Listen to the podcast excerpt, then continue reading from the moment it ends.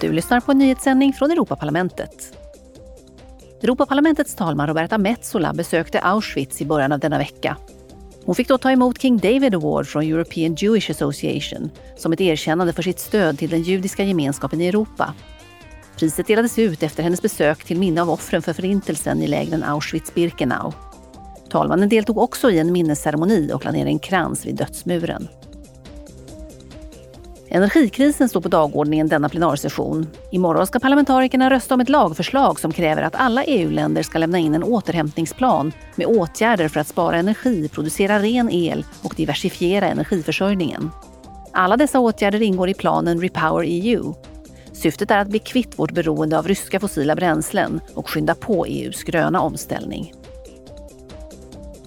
Igår presenterade föredraganden för parlamentets undersökningskommitté för utredning av användningen av Pegasus och liknande spionprogram en första version av vad de kommit fram till.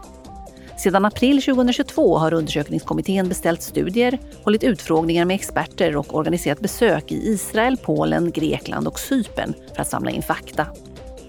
Du har lyssnat på en nyhetssändning från Europaparlamentet.